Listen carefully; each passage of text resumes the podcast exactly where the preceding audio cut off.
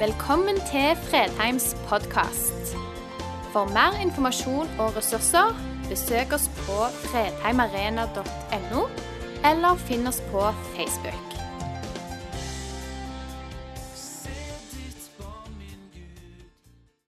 Hvor mye søvn trenger du?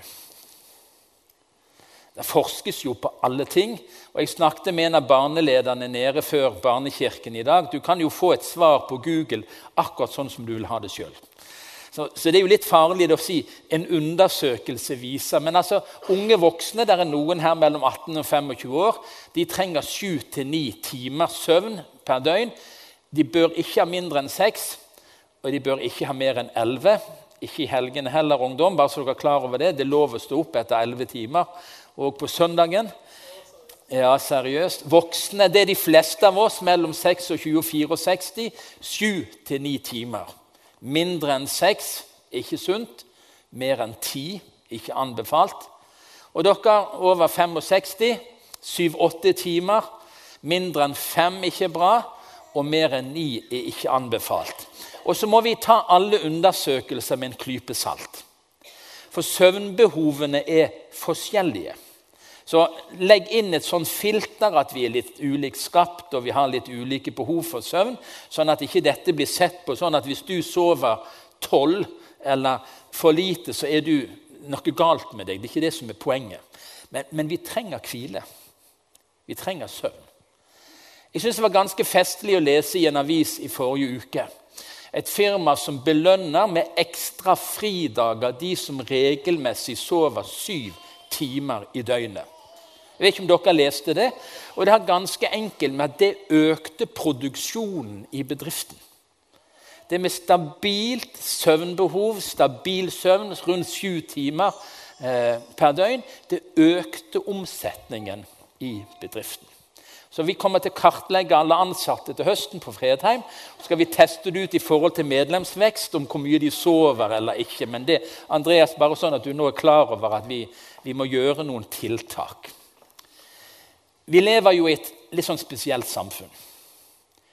Det er veldig mye vi må gjøre. Og Det skrives jo bøker, og det lages lister, og det er filmer med alle sånn 100 ting du bør gjøre før du dør. Det blir jo en sånn, I forhold til det han har skrevet, så tror jeg jeg er på punkt to eller tre, så jeg har liksom 97 ting igjen å gjøre. Det høres jo forferdelig stressende og det begynner jo å haste. Jeg kjenner jo prestasjonsangsten bare komme over alt det vi bør gjøre, alt det vi må få unnagjort. Jeg liker mye bedre tittelen til Thomas Jødin sin bok. Det er mye man ikke må. Hæ? Kjente du forskjellen? 100 ting du må gjøre før du dør. Og så denne tittelen 'Det er mye man ikke må'. Jeg har lest den. Jeg kjente liksom bare pusten komme. Alt jeg tenkte jeg burde. Og han tar opp dette med de listene, 100 ting. Glem det, sier han. Nei, det er mye du ikke må. Og han skriver i innledningen til boken og jeg skriver at det er mye man ikke må, handler det ikke om å ta lett på kravene. Det jeg har til hensikt, er snarere å slå et slag for det sorteringsarbeidet som er grunnleggende for alt liv. Det er et sorteringsarbeid å gjøre for alle mennesker. Det er noe som er viktig. Det er noe som er mindre viktig. Det er noe som haster, det er noe som ikke haster i det hele tatt. Jeg, ser, jeg har et par av el gamle eldstebrødre fra Klepp frikirke på gudstjenesten i dag. Jeg var pastor der i elleve år, og vi fikk besøk fra tilsynsmannen tredje hvert år. Og når han hadde gått gjennom arkivet til pastoren og alt som var gjort, så skrev han at Klepp frikirke har følgende arkivsystem. Haster, haster veldig, haster ikke lenger. Og det var, Mesteparten av arkivet lå under boksen 'haster ikke lenger'. Det var ting som var Men jeg, jeg lærte det veldig. Det er mye vi ikke må. Det er mye vi ikke må. Vi trenger å lære å sortere. Hva forbinder du når vi sier tro, kristenliv? Er det første bildet du tenker på dette? Tenk om det var det bildet folk så for seg når de hørte om den kristne tro. Så ikke det litt herlig ut? Kanskje er det dette bildet de fleste forbinder med kristen tro. Henge i stroppen en eller annen stor hånd som styrer oss. Og Jeg kan veldig godt forstå en som sa til meg for mange år siden Hvorfor bli en kristen? Jeg har det travelt nok som det. Ja, hvorfor i alle dager bli en kristen når livet allerede er så travelt som det er? Det er noen som har sånne to do og gjøre-lister. Og I dag så skal dere få en flott liste. Nå skal vi ut ifra Guds ord vise at den listen som har med troen å gjøre, der står der ingenting på. Nothing. Der står der skrevet noe helt annet, skjønner du. Og Det skal vi prøve å nærme oss i Jesu navn. For av nåde er dere frelst ved tro. Det er ikke deres eget verk, men Guds gave. Det hviler ikke på gjerninger, for at ingen skal skryte av seg selv. Troens liste. På vår side så står det på en måte 'nothing'. Ingenting. Done. Ferdig. Gjort. Betalt. Det er en annen som har gjort alt som skal til. Det er en annen som har fullført alt som vi kunne tenke oss å prøve på å fullføre. Det er en gave. Det er ved tro. Og i dag så skal vi skryte. For du skjønner, Det sto ikke i teksten at vi ikke skulle skryte. Men der sto vi skulle ikke skryte av oss sjøl. Underforstått så er det en vi skal skryte av. Og i dag har jeg lyst til å skryte av Jesus. I dag har jeg lyst til å skryte av Jesus. Han fortjener skryt. I Hebreabrevet handler mye om at Jesus er større. Jesus er større, Jesus er størst, han er større enn englene, han er større enn alle makter. Hebreabrevet skryter av Jesus. Og I kapittel 3 så oppfordres vi se på Jesus. Den utsending og øverste prest som vi bekjenner, han var trofast mot den som innsatte ham, slik Moses var trofast i hele Guds hus. Men Jesus ble verdig til å få større ære. Jeg har lyst til å skryte av Jesus. Jesus er verdig til å få større ære. Det er ingen i historien, ikke alle Bibelens helter, som når han til knærne. Jesus er verdt større ære. Større enn Moses, som var det, det største mennesket som hadde levd. Som fikk lov å være i Guds nærhet. Kan ikke måle seg mot Jesus. Fordi Jesus gjorde. Jesus betalte. Jesus lei. Jesus døde. Jesus oppsto. Jesus lever. Jeg har lyst til å skryte av Jesus. Er du med på å skryte av Jesus? Vi skal ikke skryte av oss sjøl, men vi skryter uhemma av Jesus. Folk var overveldet og forundra og sa alt han har gjort, er godt. Alt han har gjort, er godt. Allerede de som møtte han begynte å skryte av han. Satte ord på det han gjorde. Framheva han. Framheva ikke seg sjøl, men framheva han. Alt han har gjort, er godt. Han får døve til å høre og stumme til å tale. Jeg prøvde å leite etter en sang Bente, har Åsulf Kvammen skrevet en sang 'Jeg vil skryte av Jesus'? Står ikke det i et av versene? Jeg tror det. Svigerfar til datteren min han har en sang om Jesus. og Jeg tror det står i det ene verset 'Jeg vil skryte av Jesus'.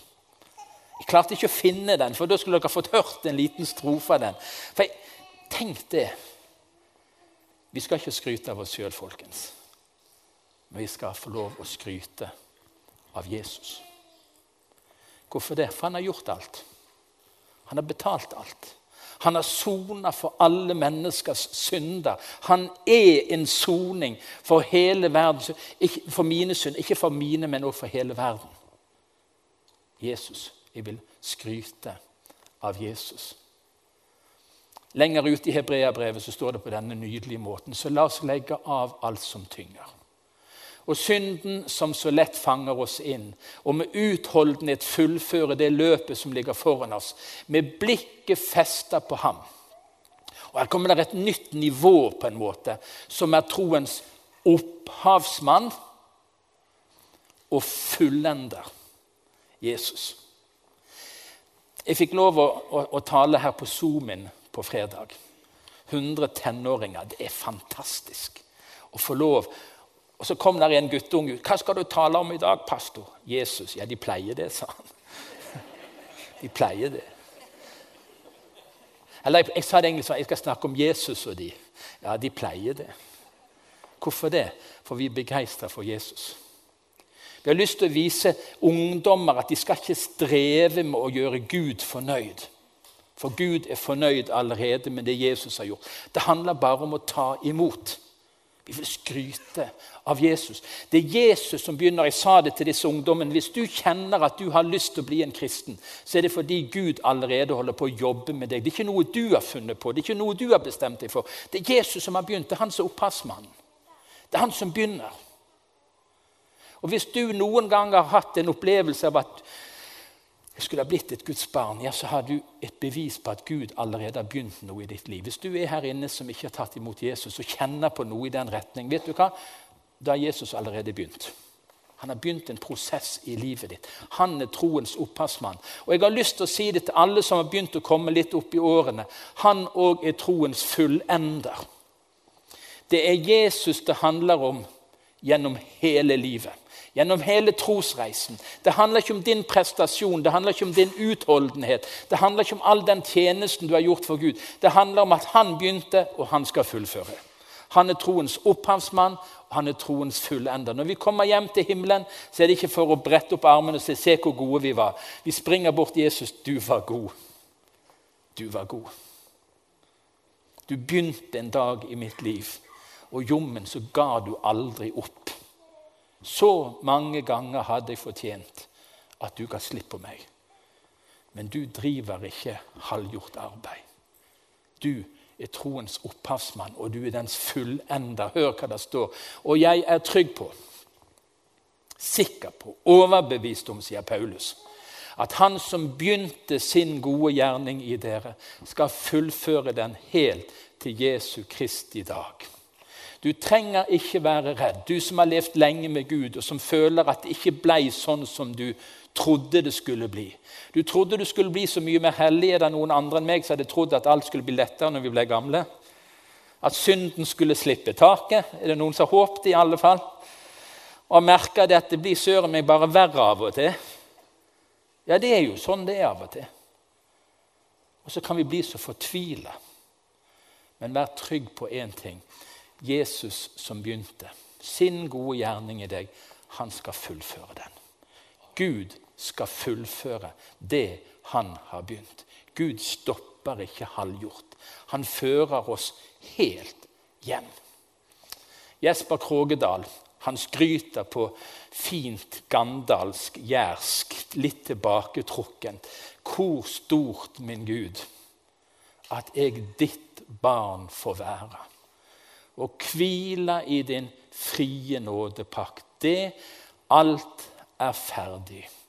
Jeg skal ikke gjøre, men bare hvile i det du har sagt. Du som prøver å gjøre Gud tilfreds, du kommer for seint. Gud er tilfreds. Han er tilfreds med det Jesus gjorde. Det er godt nok for deg òg. Du trenger ikke streve for å gjøre Gud fornøyd. Gud er fornøyd. Du kan bare hvile. Senke skuldrene. Det er mye vi ikke må. Alt som har med Gud å gjøre, det har Jesus gjort. Det har Jesus gjort. Vi kommer for seint, folkens, hvis vi prøver. Og så handler det òg om dette vi har lyst til å gjøre for han. For noen av oss har lyst til å gjøre noe for han. Hør hva det står i Markus kapittel 6. Apostlene samlet seg igjen hos Jesus og fortalte ham om alt de hadde gjort. Hører du? Fortalte ham om alt de hadde gjort, og alt de hadde lært folket. Nå kommer skrytene fram, hva vi har gjort. Og han sa til dem, 'Kom med meg til et øde sted hvor vi kan være alene, og hvil dere litt.' For det var så mange som kom og gikk at de ikke fikk tid til å spise engang. Her, her er det en gjeng som er overgitt. Her er det en gjeng som gir jernet for Jesus. Nå har de skrytt til han, og så sier han, 'Kom igjen, folkens, la oss stikke av. Vi går avsides. Dere trenger å hvile dere litt.' Ole Nordhaug, som var biskop i Den norske kirke for noen år siden, sa det på denne måten. Vi må gjøre mindre for å utrette mer. Den er litt sånn dobbeltbundet. Det er litt sånn understatement. På det 'tog du han'?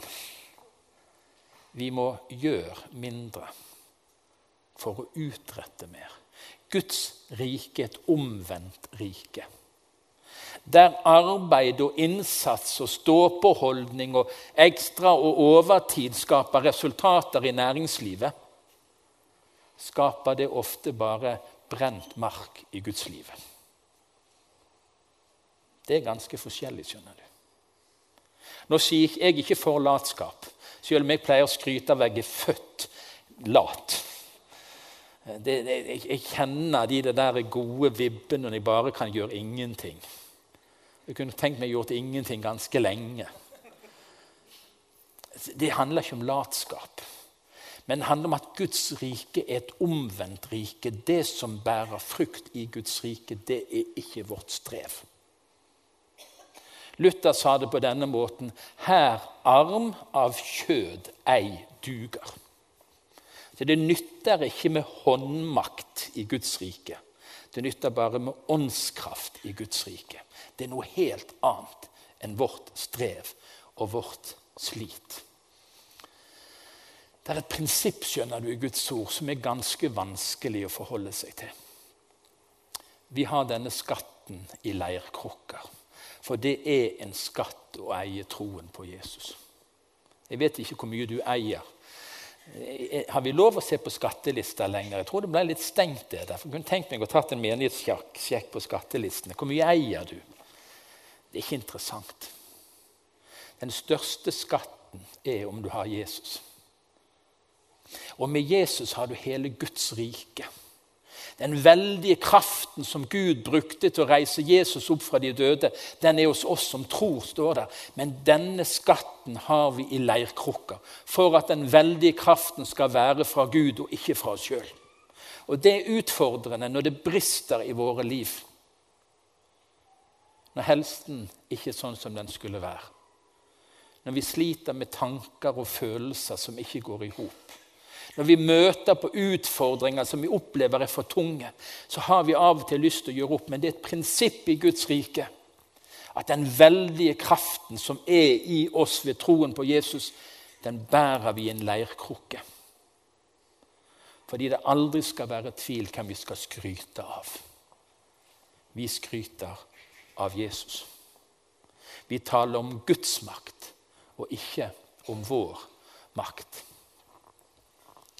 For så sier Herren Gud, Israels hellige, hvis dere vender om og holder dere i ro, skal dere bli frelst. I stillhet og tillit skal deres styrke være.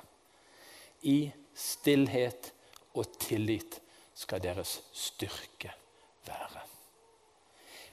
Sånn taler Guds ord.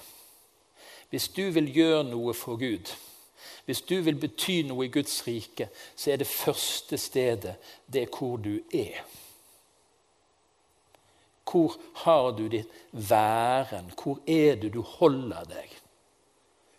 De som får bety mest i Guds rike, det er de som er. De som er sammen med, de som har et sted. I stillhet og tillit hos Gud. Der er vår åndelige styrke. Nå skal jeg skryte litt av meg sjøl, og da handler det ikke om noen ting som har med Gud å gjøre. Jeg har begynt å gå på helsestudio. Yes. Og jeg ligger nå på et snitt på tre dager i uken. Yes. Knallhard trening. Jeg kom til et bunnpunkt i mars når jeg innså hvordan min egentlige stilling var. Det, lurte, det står i Skriften 'da kom han til seg selv'. står det. Og Jeg hadde et sånt øyeblikk på et hotell borte i Oslo i mars. Da kom han til seg selv. Dressen gikk ikke igjen. Jeg holdt pusten for å på inn siste knappen. Det var pinlig. Nå er det nok. Nok er nok. Så begynte jeg å trene. Så Nå går jeg altså på helsestudio. Og denne skjorten går jeg med først, for første gang, for den har jeg aldri kunnet knappe før. Yes. Wow! Så nå skryter jeg altså det, Jeg la jo ikke opp til det, men ok. Nå skal jeg skryte litt av meg sjøl. Takk skal dere ha for at dere tok den. Ikke gjorde det pinlig for meg. Veldig kjekt. Jeg hadde en time med en sånn der eh, personlig trener. Jeg, bare hadde en sånn gratistime, bare så dere er klar over det. Så lønnsmidlene går ikke til det. Men det er greit nok.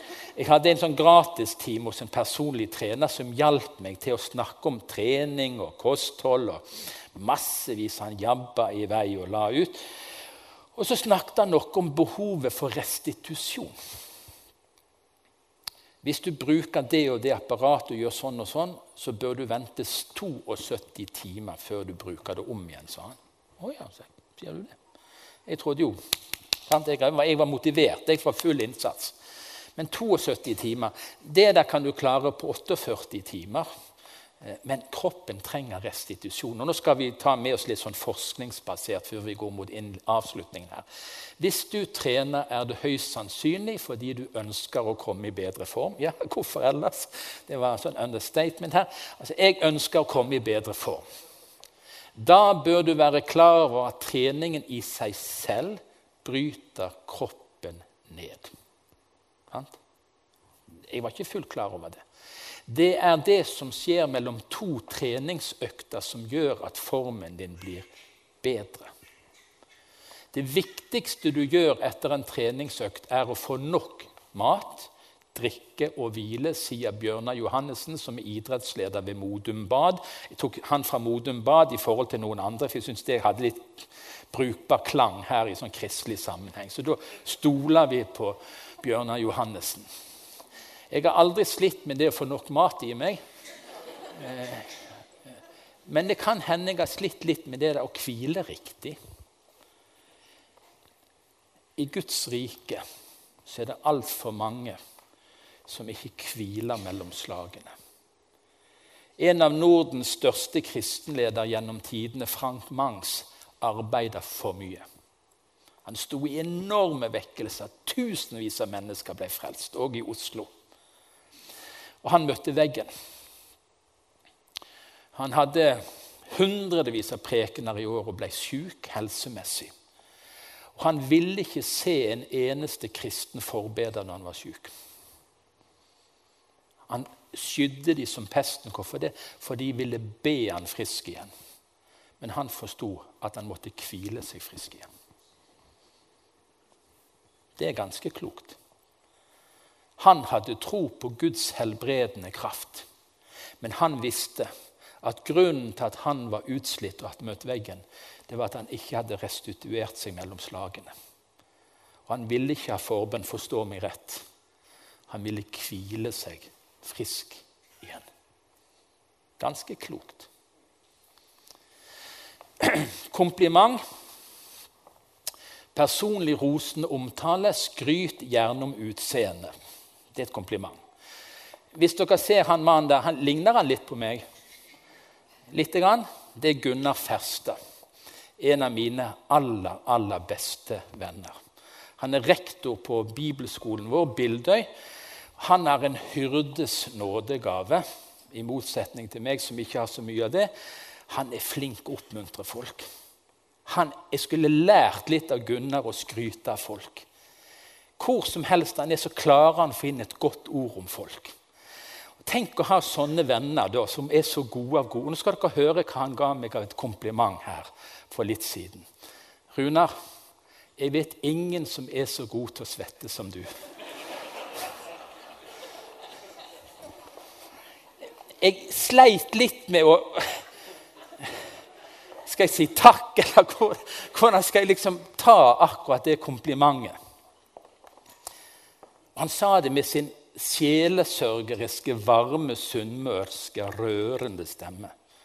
Runa, det er ingen som svetter som du. Ja. Halleluja, tenkte jeg. Det er så sterkt. Jeg eh, sto ved siden av en kar på treningsstudio her for noen dager siden. Han svetta, han. Og Dessverre så var det så fullt at jeg måtte stå på det der løpebrettet ved siden av han.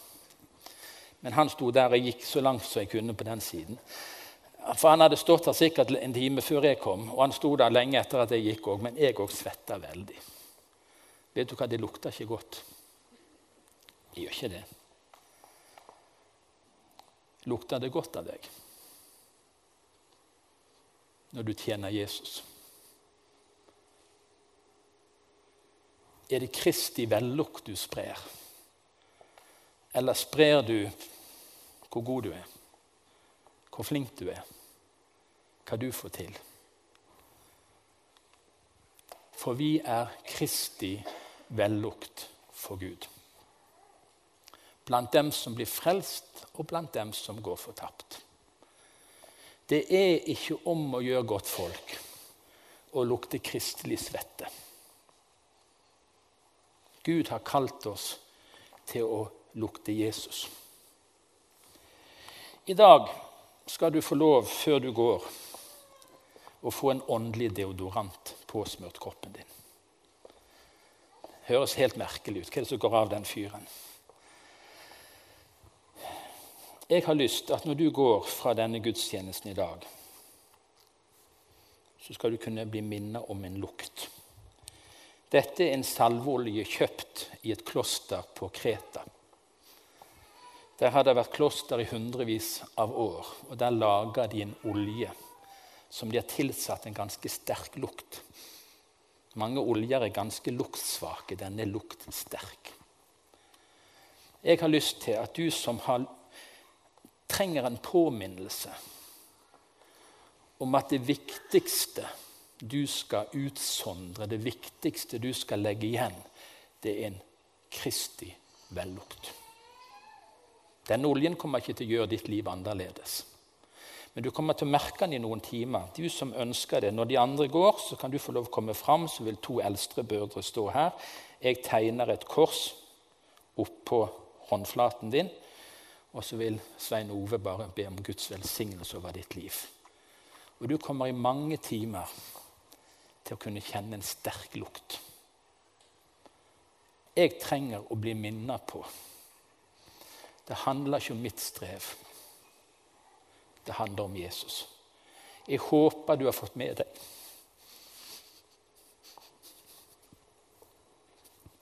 Vi skryter av Jesus. Halleluja. Han har frelst meg. Han har kjøpt meg med sitt blod. Han har utrusta meg. Han er kraften i mitt liv. Hvis noe fungerer, så er det han som fungerer. Og jeg skulle ønske i større grad å legge igjen en sånn kristig vellukt for mennesker som jeg møter. Så hvis du tror jeg er blitt gammel og sippete, så stemmer det.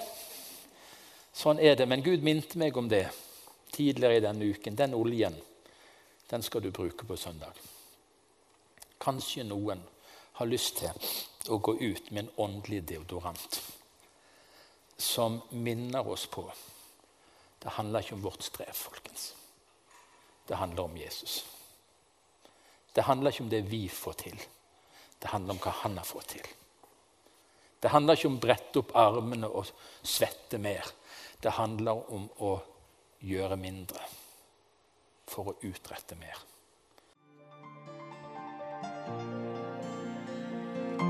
Takk for at du valgte å høre på. Nye opptak legges ut hver uke. Vi har gudstjenester hver helg, og du er hjertelig velkommen.